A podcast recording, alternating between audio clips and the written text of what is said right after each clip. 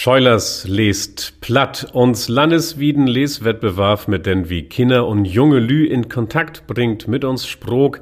Feier Landshops entscheidens wären noch no, als wir in März denn wegen Covid-19 all Veranstaltens afblosen müssen.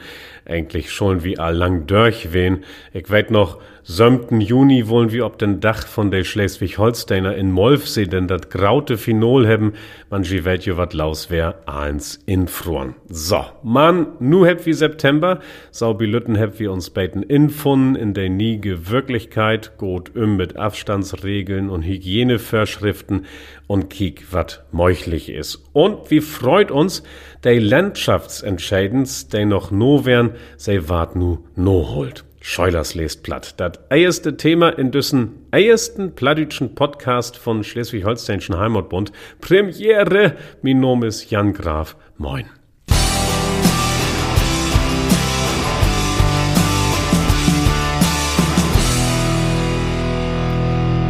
Landschaftsentscheiden, wie Scheulers lest platt. Durchkommt de Kinder hen, de bi sich an de Schaul Schaulsieger worn sind, biet plattdütsche Verlesen, und de sich nu in Beukereien mit Anna Schaulsiegers ut er gegend meten schütt.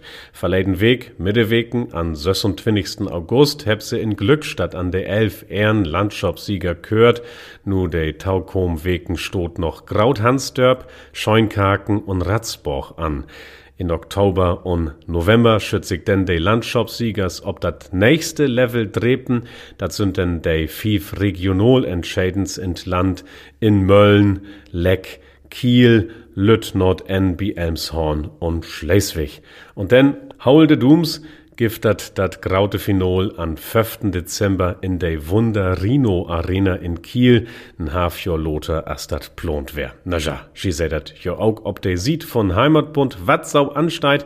Ich wollt bloß sagen, Scheulers lest platt geit wieder und dor freut wir uns tau und dankt all de mitmuckt. Düt Audio, wat sie hier nur hört, dat ist dat erste Mal, dat der Schleswig-Holsteinische Heimatbund ein plattitschen Podcast mogt. Uns Kolleg Norbert Vogt ist jo a länger dobie und gift ob Hauchdütsch sine Naturtipps unter den Titel Auf den Busch geklopft. Sin Stücken könnt sie nur hören, just so als Düssenstremel hier, ob den Konol von SHHB bi Soundcloud, wenn sie durch just in Düssen Augenblick nicht sau und sau all sind. Einfach mal bi Soundcloud säugen inner SHHB, do findt ihr uns Town anhören. Sauwit dat Nige u den Heimatbund. Anders hätt uns verleiden Weg en jo en Noricht von Heilwied weg antwort. China het ein Landesteil, denn wie Binner Mongolei nömt.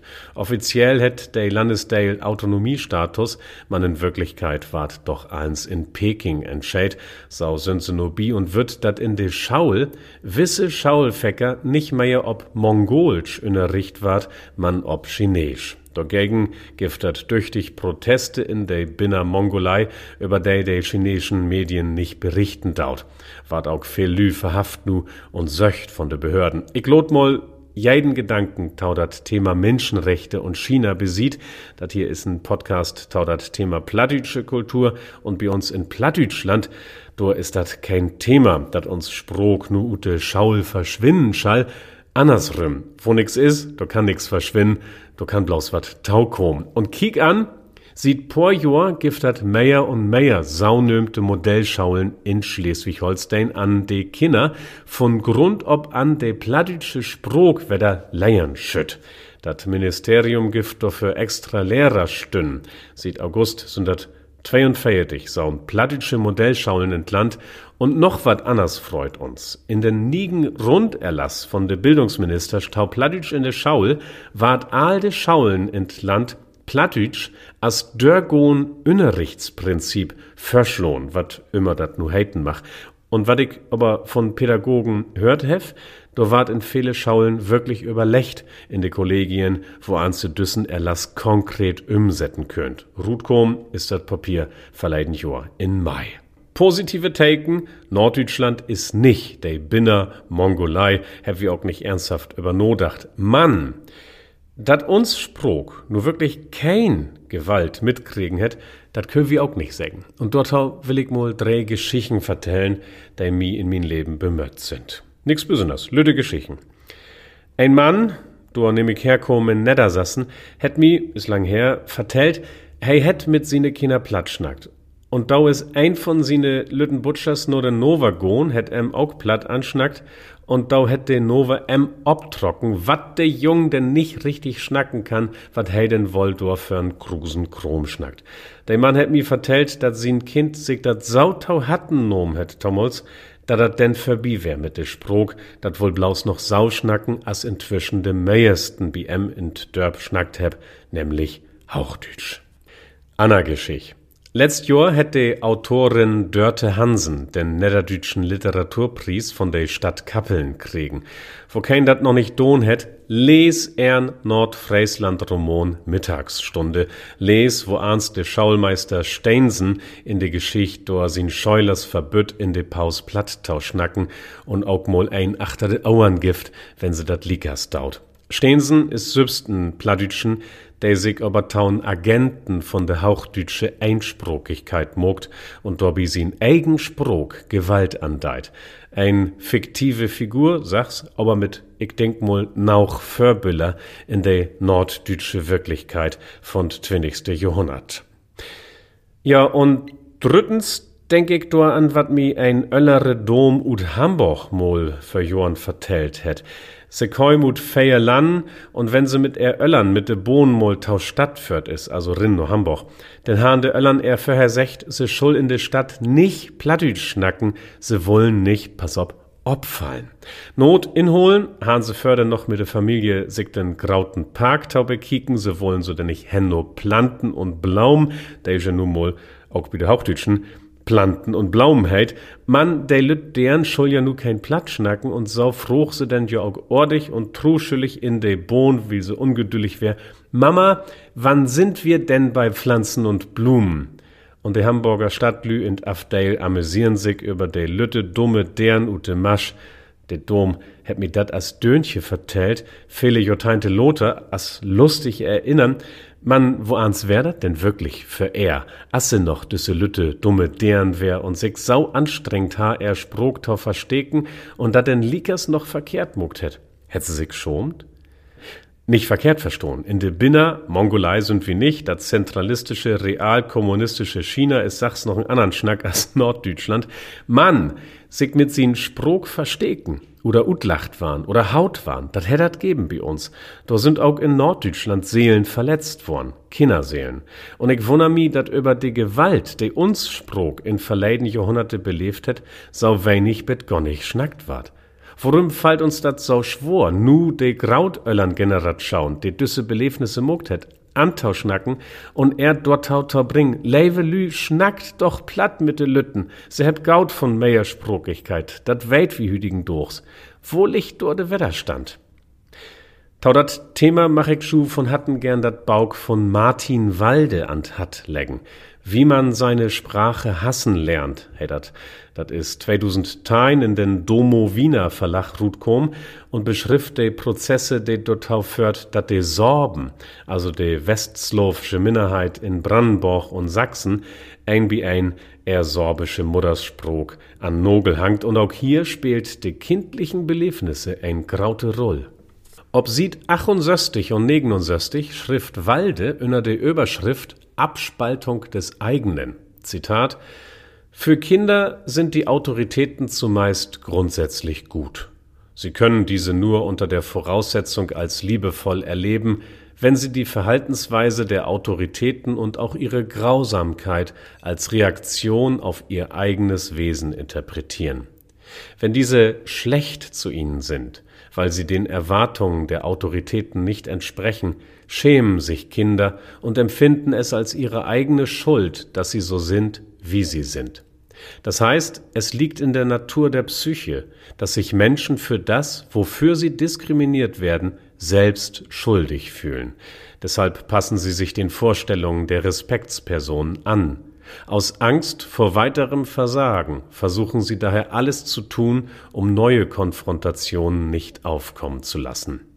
Zumeist war es die Muttersprache, mit welcher die sorbische Bevölkerung Anstoß erregte. Mehr noch, sie wurde für sie zur existenziellen Bedrohung, weil sie ihre Integrität ständig in Frage stellte. Mit ihr fühlte sie sich ertappt, entehrt, abgewertet und dauernd von außen beurteilt. Um die Bedrohung abzuwenden, mussten sie ihre Muttersprache verleugnen. Da aber die Verhöhnung und Marginalisierung des Sorbischen in der Öffentlichkeit und die Scham der Betroffenen darüber, dass ihnen das eigene immer wieder neuen Verdruss bereitete, nie nachgelassen haben, mussten sie es abstoßen und schließlich von sich abspalten. Zitat Tau N, Martin Walde, wie man seine Sprache hassen lernt, Rutkom in Domowina Verlag. Jo, dat geit hier um de Minderheit von de Sorben und nicht um de Plattitschen mit er Regionalsprog, wie sit nicht in Ober- und Niederlausitz, man, ich kun bit lesen von Martin Walde doch nicht anders als hier und dort verglicken. Auch für uns Landslü hier Bobengeld, wo kein will sich lächerlich mucken loten oder Haut fahren.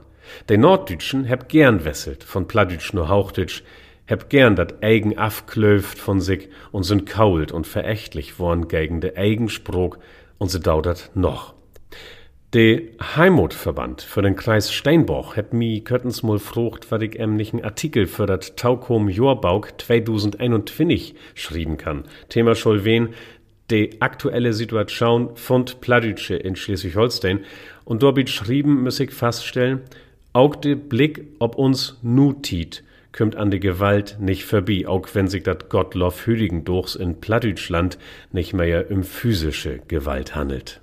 Zitat so veröffentlichte der schleswig-holsteinische Radiosender RSH im Sommer 2020 bei Facebook den illustrierten Motivationsspruch wenn ihr mal schlechte Laune habt, denkt daran, dass Pfirsich auf Plattdeutsch Plüschappel heißt.